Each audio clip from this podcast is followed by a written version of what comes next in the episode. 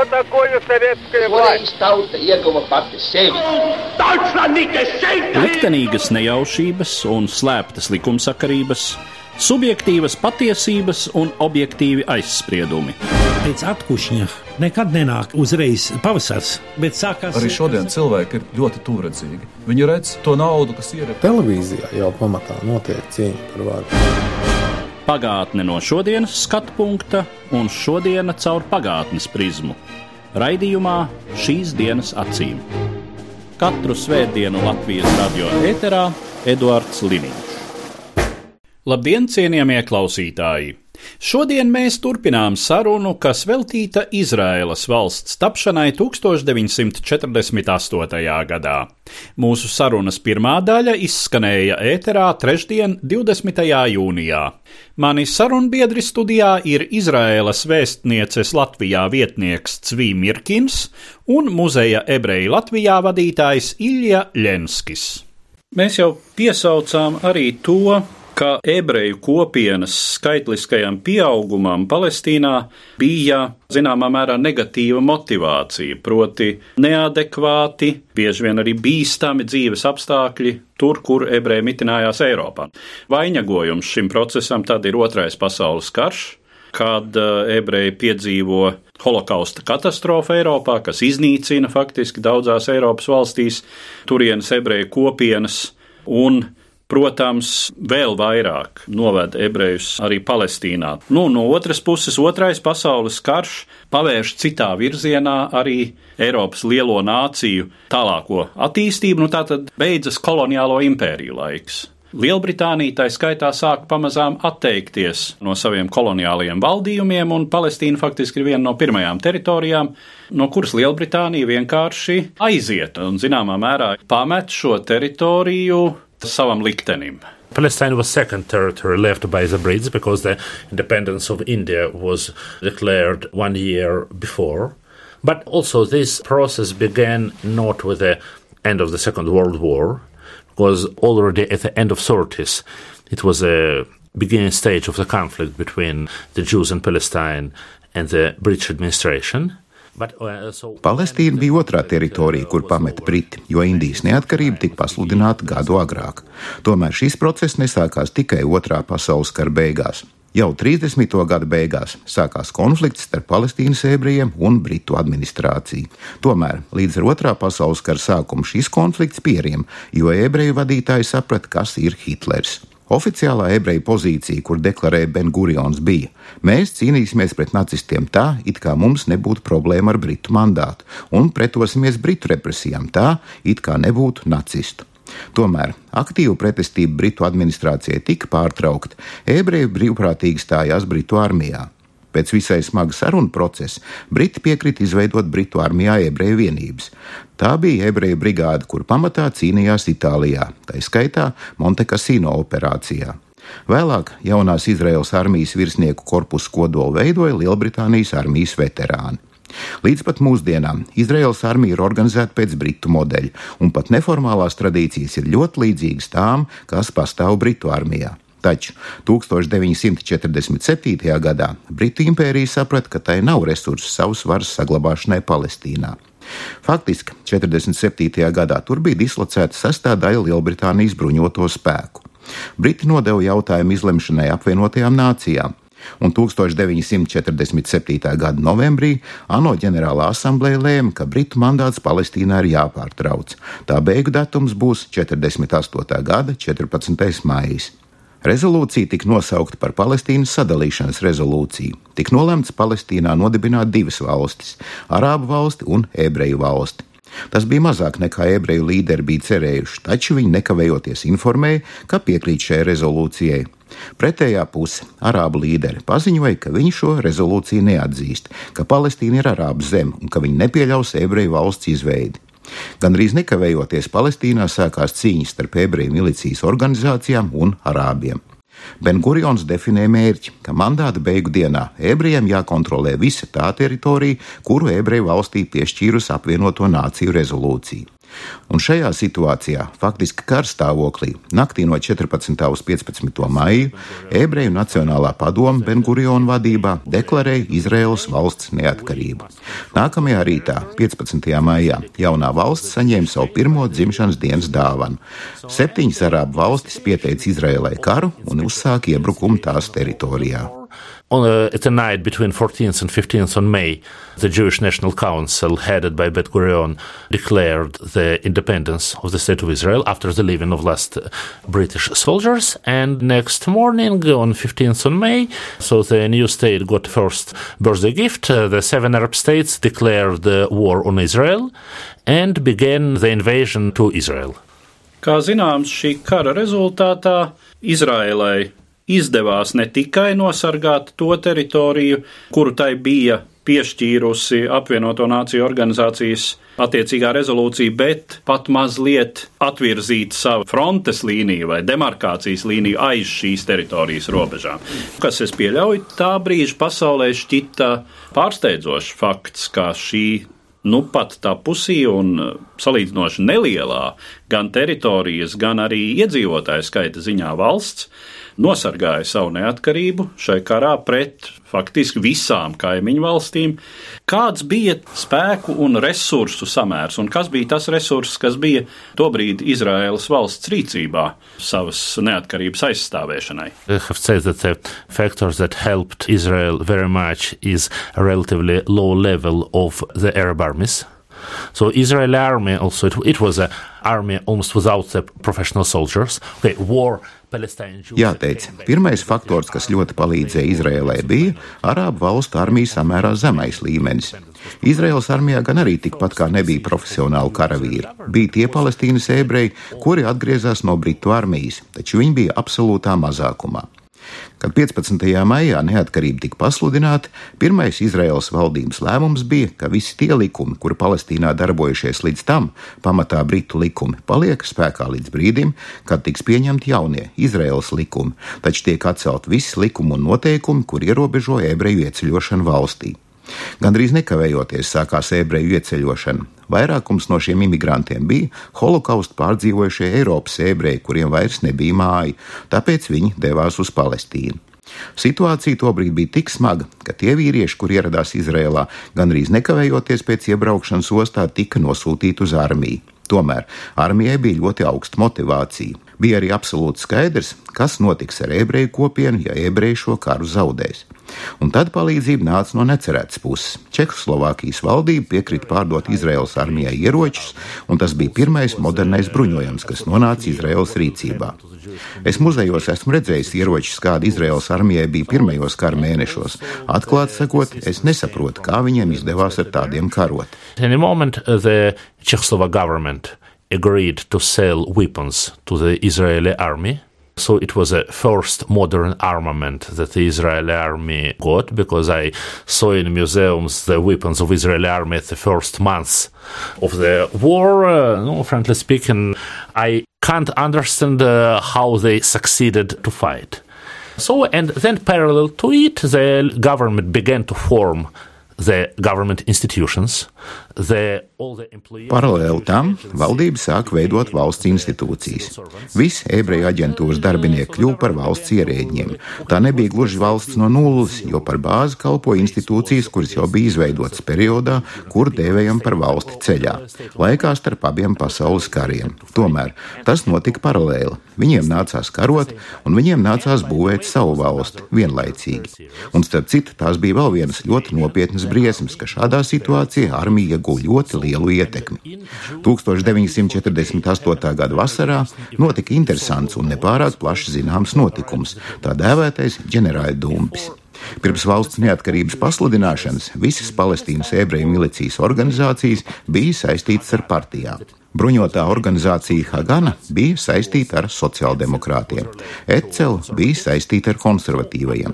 Kad tika izdots dekrets, ka tiek dibināta Izraels aizsardzības spēki, ebreju saīsinājumā saukti Cahal, Izraels valdība izdeva rīkojumu par visu šo milicijas organizāciju likvidāciju un to locekļu mobilizāciju armijā. Tajā pašā laikā Ben-Gurions, kurš tobrīd bija premjerministrs un arī aizsardzības ministrs, atlaida vienu no saviem vietniekiem, kurš bija pārāk cieši saistīts saistīts ar radikālu kreisajiem, kurus Bengurions uzskatīja par bīstamiem. And uh, Ben Gurion saw the radical leftist part as a danger. Bet pats Bengurions bija sociāldemokrāta Yes. priekšsēdētājs. Tas arī ir svarīgi. The purpose was total depolitization of the army. So, and after the dismissal of this man, Israel Galilee, the generals of general staff came to Ben Gurion and demanded from him to put Israel Galilee back on his chair. What was the reaction of prime minister when more than a half of the general staff, in the peak of the war, comes to him and demands? He fired them. At the peak of the war, Mērķis bija pilnīga armijas depolitizācija. Pēc šī vīra, Izraēla Galileja atlaišanas, armijas ģenerālštāba locekļi ieradās pie Benguriona un pieprasīja dot Izraēlam Galilejam viņa amatu. Kāda bija premjerministra rīcība, kad vairāk nekā puse no ģenerālštāba locekļiem kritiskākajā kara momentā ieradās pie viņa ar šādu demāršu? Viņš visus atbrīvoja no amata. Kritiskā kara momentā, kad eģiptiešu armija atradās apmēram 40 km attālumā no Telavivas, Bengurions atlaida no amata vairāk nekā pusi ģenerāla štāba locekļu, lai liktu saprast, ka valdība, nevis armija, pieņem lēmumus.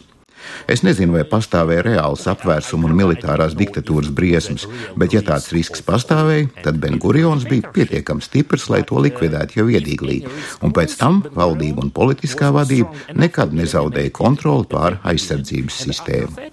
the government and the political leadership never lost control on the defense uh, system. Un kas vēl bija svarīgi, ka izdevās arī pārvarēt kaut kādā ziņā ebreju organizāciju iekšējos konfliktus, jo starp, teiksim, sociāldemokrātiem un labējiem cionistiem, revizionistiem bija ļoti saspringtas attiecības. Un tai brīdī, kad revizionisti, labējie, saņēma sūtījumu ar ieročiem, ļoti slavens stāsts par Altalēna kuģi un kreisocionistu vadība vienkārši iznīcināja šo sūtījumu.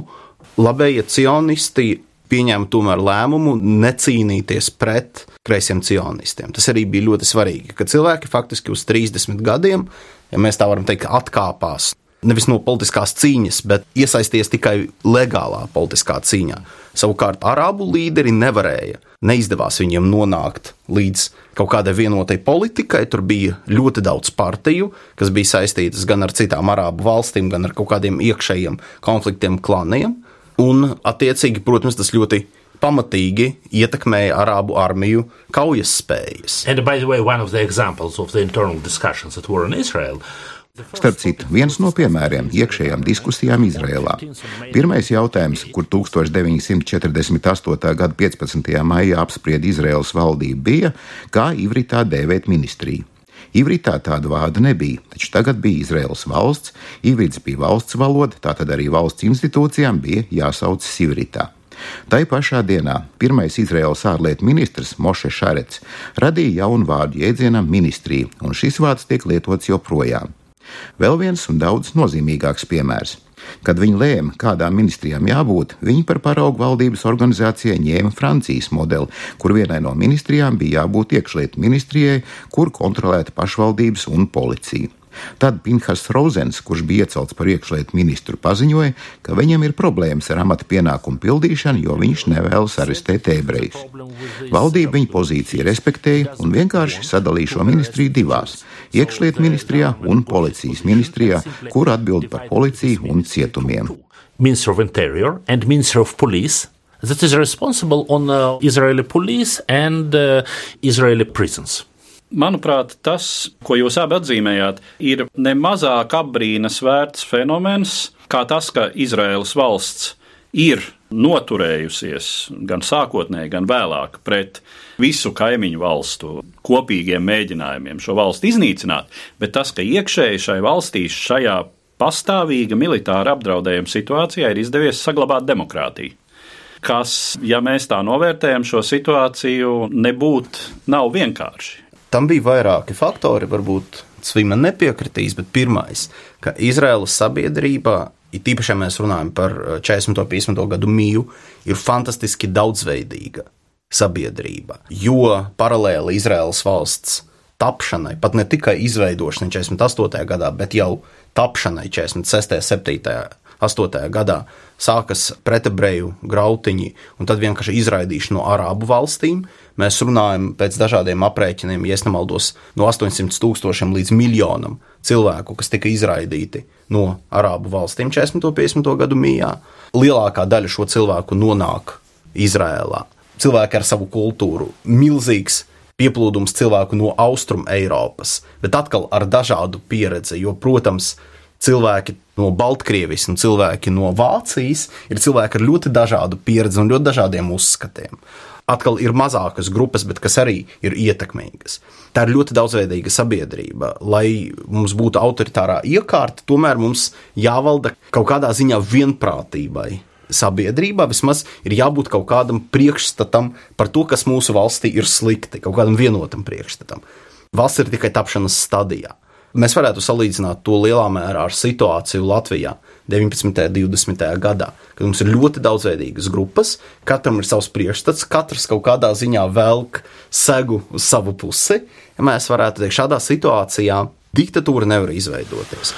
Bet kas noteikti notiek, kā kreisie cionisti, sociāldemokrāti, mēs varētu teikt, kas ir ļoti kreisi. Viņi faktiski kontrolē Izraēlas politisko dzīvi pirmos 29 gadus. Viņi tiek ievēlēti absolūti demokrātiskā ceļā. Tas ir svarīgi, bet viņi ir viss organizētākais spēks un vispieredzējušākais. Pirmos 29 gadus ir pastāvīga sociāldemokrātiskā valdība, bet tā nonāk absolūti demokrātiskā ceļā. Ir jāsaka, ka Ben-Gurions ir ļoti populārs politiķis, bet ļoti kontroversāls. Ir arī pret viņu vēršanās viņa pašā partijā, kaut kādā brīdī viņš atkāpjas, viņš atgriežas politikā. Tā ir ļoti raiba, ļoti demokrātiskā dzīve, kur vienkārši ir viena dominējošā, ļoti stipra partija. Bet tad 77. gadā situācija mainās, un kopš tā brīža atkal mēs redzam, ka Izraela ir jau nu totāli normālā politiskā dzīve, ar ķīviņiem, ar konfliktiem, ar savstarpēju lamāšanos, respektīvi to, ko mēs tik labi pazīstam no Latvijas dzīves. Very hard economical background because in Israel only in 1962 were cancelled the coupons for buying of basic food and goods. Tas viss notika uz ļoti smagas ekonomiskās situācijas fona. Tikai 1962. gadā Izraela atcēla kartītes svarīgāko pārtiks un rūpniecības preču iegādēji. Viens no galvenajiem jautājumiem Izraels iekšpolitikā 50. gados ir cīņa pret melno tirgu, un šī perioda izraeliešu literatūrā melnā tirgus darboņi ir viena no negatīvajiem tēliem.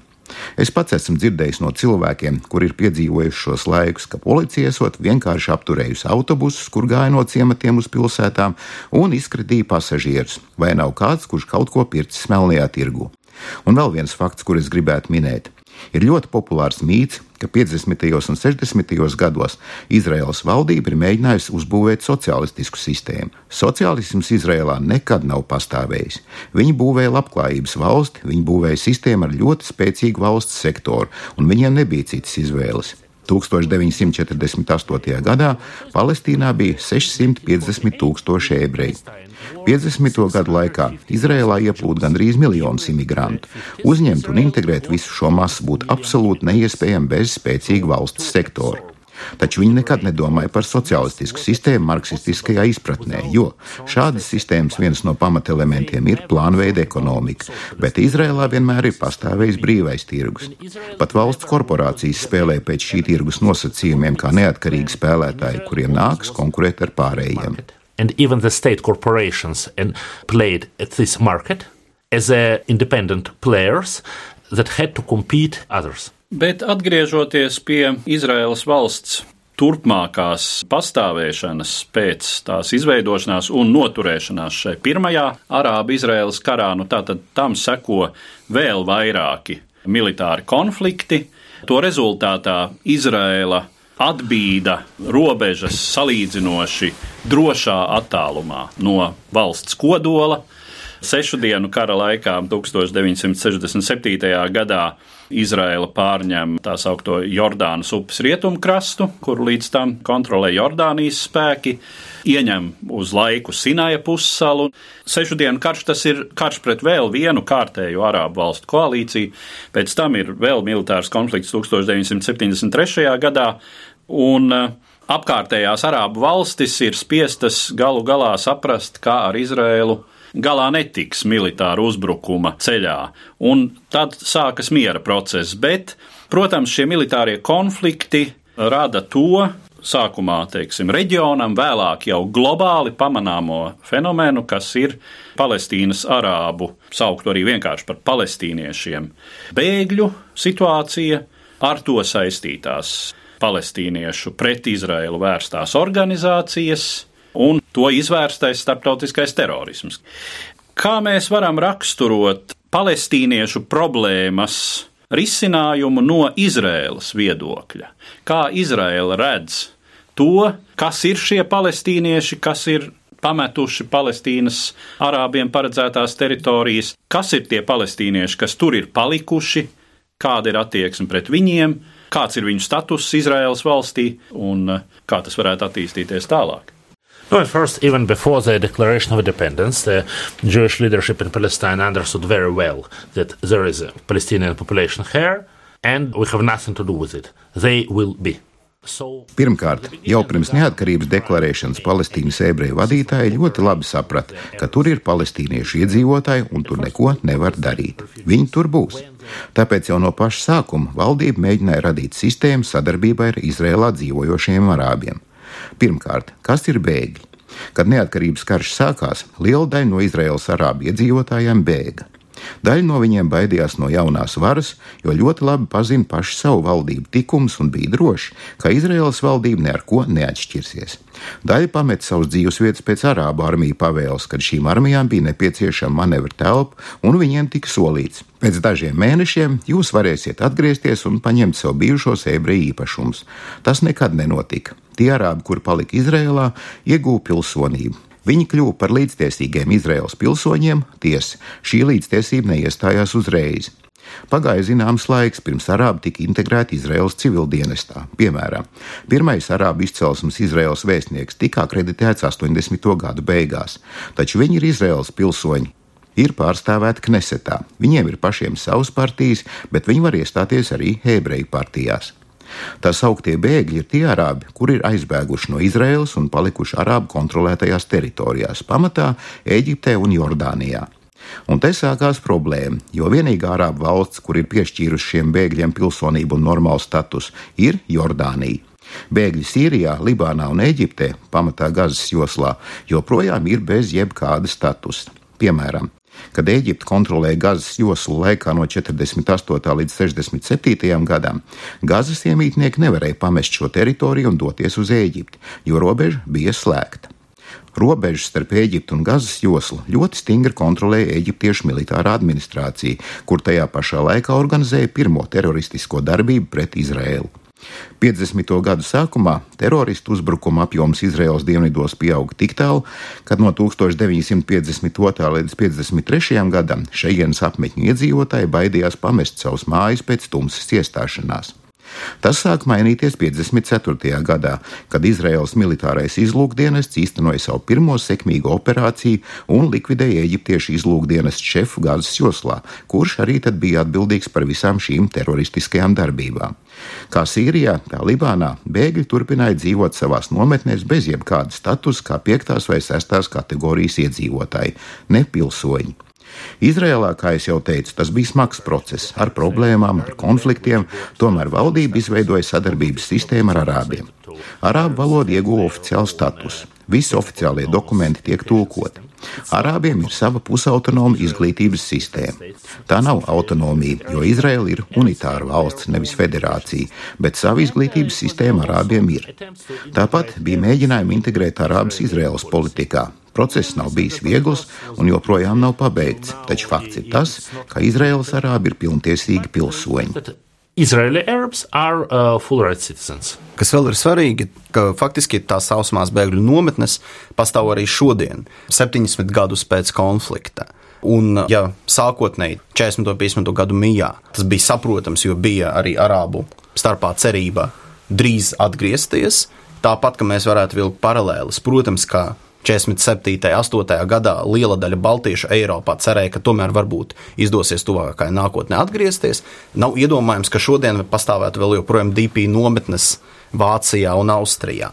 Arābu valstīm bija izdevīgi saglabāt šīs tā saucamās bēgļu nometnes, kas tika lielā mērā sponsorētas no starptautiskām organizācijām, kas šodien ir jau faktiski pilsētas, drausmīgi depresīvas pilsētas ar ļoti zemu sociālo līmeni, bez jebkādas nākotnes, bet kas vēl joprojām turpina funkcionēt, ka it kā tās ir bēgļu nometnes, kas, kā mēs saprotam, bēgļu nometne ir kaut kāda pagaidu struktūra, ir pagaidu risinājums, līdz šie cilvēki varēs tomēr integrēties un dzīvot normāli.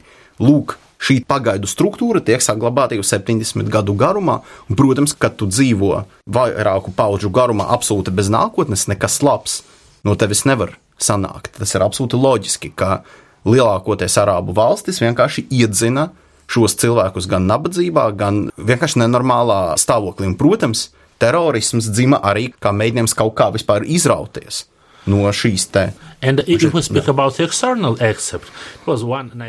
Un runājot par ārējo aspektu, ir viens skaists fakts. PAO, Palestīnas atbrīvošanas organizācija, tika nodibināta 1962. gadā, kad Jordānas upes rietumkrasts un Gazas josla bija arābu kontrolē. Un tad pirmais PAO līderis, Ahmeds Šukeirī, deklarēja, ka viņa mērķis ir iemest ebrejus jūrā. Un otrs fakts - 1967. gadā, apmēram mēnesi pēc sešu dienu kara, Izraels valdība lika priekšā Arābu valstu valdībām uzsākt sarunas, nepārprotam norādot, ka Izraela ir gatava pamest kara rezultātā tās kontrolē nonākušās teritorijas, parakstot attiecīgus mierlīgumus. Atbilde tika saņemta gadu vēlāk, kad 68. gada vasarā Hartumā sapulcējās Arābu līgas valstu samits. Viņa deklarācija ir pazīstama ar nosaukumu Trīs Nē. Nē Izraels valsts atzīšanai, nē mieram ar Izraelu un nē sarunām ar Izraelu. No to the recognition of Israel, no to the peace with Israel, no to the negotiations with Israel. Kā mēs zinām, tad uh, kopš tā laika ļoti daudz kas ir mainījies, un katrā ziņā Izraela šobrīd ir neapšaubāmi stabila valsts, neapšaubāmi valsts, kuru nevienam vairs neizdosies iemest jūrā. Bet um, ļoti īsi un noslēdzot mūsu sarunu, kā jūs redzat Izraēlas valsts turpmāko attīstību, gan atkal jau šobrīd ļoti dinamisko un dramatisko reģiona procesu kontekstā, un pašreizējā globālo varas attiecību kontekstā, kur atkal Krievija mēģina spēlēt lomu tojos austrumos, kas zināmā mērā līdzinās tai, kur tur spēlēja Padomju Savienība, kas ir vēl vesela milzīga tēma, kurai mums šodien nav laika, un tā tālāk. Now, once, about 15 years ago, one my European colleague asked me about my prognosis about the future of the Middle Eastern peace process. Then I said that uh, because of the, our Minister of Finance don't give us budget for purchasing of tarot cards, dices, and other devices, it's very hard to me to build any normal prognosis. So how Israel will develop, I don't know. Reizi pirms apmēram 15 gadiem kāds Eiropas kolēģis man vaicāja, kādas ir manas prognozes tuvu austrumu miera procesa sakarā. Es atbildēju, ka tā kā mūsu finanšu ministrija nepiešķir mums budžetu taro kāršu, metamo kauliņu un citu līdzīgu inventāru iegādēji, man ir ļoti grūti sastādīt kādu normālu prognozi. Kā Izraela attīstīsies, es nezinu. Piemēram, ja mēs lasām 70. pat vēl 80. gadu izrēliešu analītiķu rakstus, tad nevienam pat nenāca prātā, ka Izraela kļūs par vienu no pasaules augsto tehnoloģiju līderiem. Pašreizējais Izraels ekonomiskās attīstības līmenis pat vēl 90. gadu sākumā šķita pilnīga utopija. Tātad jebko prognozēt ir ļoti grūti. Taču es, ne tikai kā Izraels civildienas ierēdnis, bet kā izrēlietis, esmu ļoti optimistisks. Situācija daudzos aspektos nav viegla, taču pēdējos 70 gados Izrēlē ir nācies pārdzīvot daudz grūtākas situācijas, un tā ir izdevies ne tikai izdzīvot, bet arī iziet no šīm situācijām stiprākai nekā iepriekš. Tas ir iemesls manam optimismam. and succeeded not only to survive but also to exit all these situations stronger than it was uh, before. So uh, it's a reason for my uh, optimism. Es teiktu, ka ar ārējiem draudiem Izrēla puslīdz tiek galā. Ir teiksim, vājākas puses, ir stiprākas puses, bet kopumā tas ir iestrādāts, iestaigāts ceļš. Es domāju, ka Izrēlai izdosies tikt galā ar tiem iekšējiem konfliktiem, kas tur notiek un kas, cik tālu es redzu, kļūst ar vien lielāki un aug iekšējā neiecietība Izraēlas sabiedrībā, dažādos sektoros, tad, protams, viss būs labi. Bet nu, es teiktu, ka starptautiskā situācija tieši Izraēlu droši vien mēs varētu teikt, ka neapdraud. Vai nu noteikti apdraud krietni mazāk, kā Cvīte teica, nekā tas bija 60. vai 70. gados. Ka šodien Izraēla ir pietiekami labi aizsargāta ar savu diplomātu un ar savas armijas palīdzību. By the way, when I say about the crisis situation, I speak not only about the external crisis, but also about the internal crisis. And Israel Runājot par krīzes situācijām, es ar to domāju ne tikai ārējās, bet arī iekšējās krīzes. Izraels vēsturē ir bijušas vairākas ļoti smagas iekšējās krīzes, un tā ir izdevies tās pārdzīvot bez nopietniem zaudējumiem. And succeeded to pass it without uh, any uh, serious damage. Ar tādiem secinājumiem tad es arī noslēdzu mūsu šodienas sarunu, kas bija veltīta Izraēlas valsts tapšanai un nedaudz arī tās attīstībai pagājušajos 70 gados, un es saku paldies maniem sarunbiedriem, muzeja ebreju Latvijā vadītājam Iļam Ļenskim un Izraēlas vēstnieces vietniekam Latvijā Cvīmirkinam. Katru svētdienu Latvijas radio viens par pagātni sarunājas Eduards Liniņš.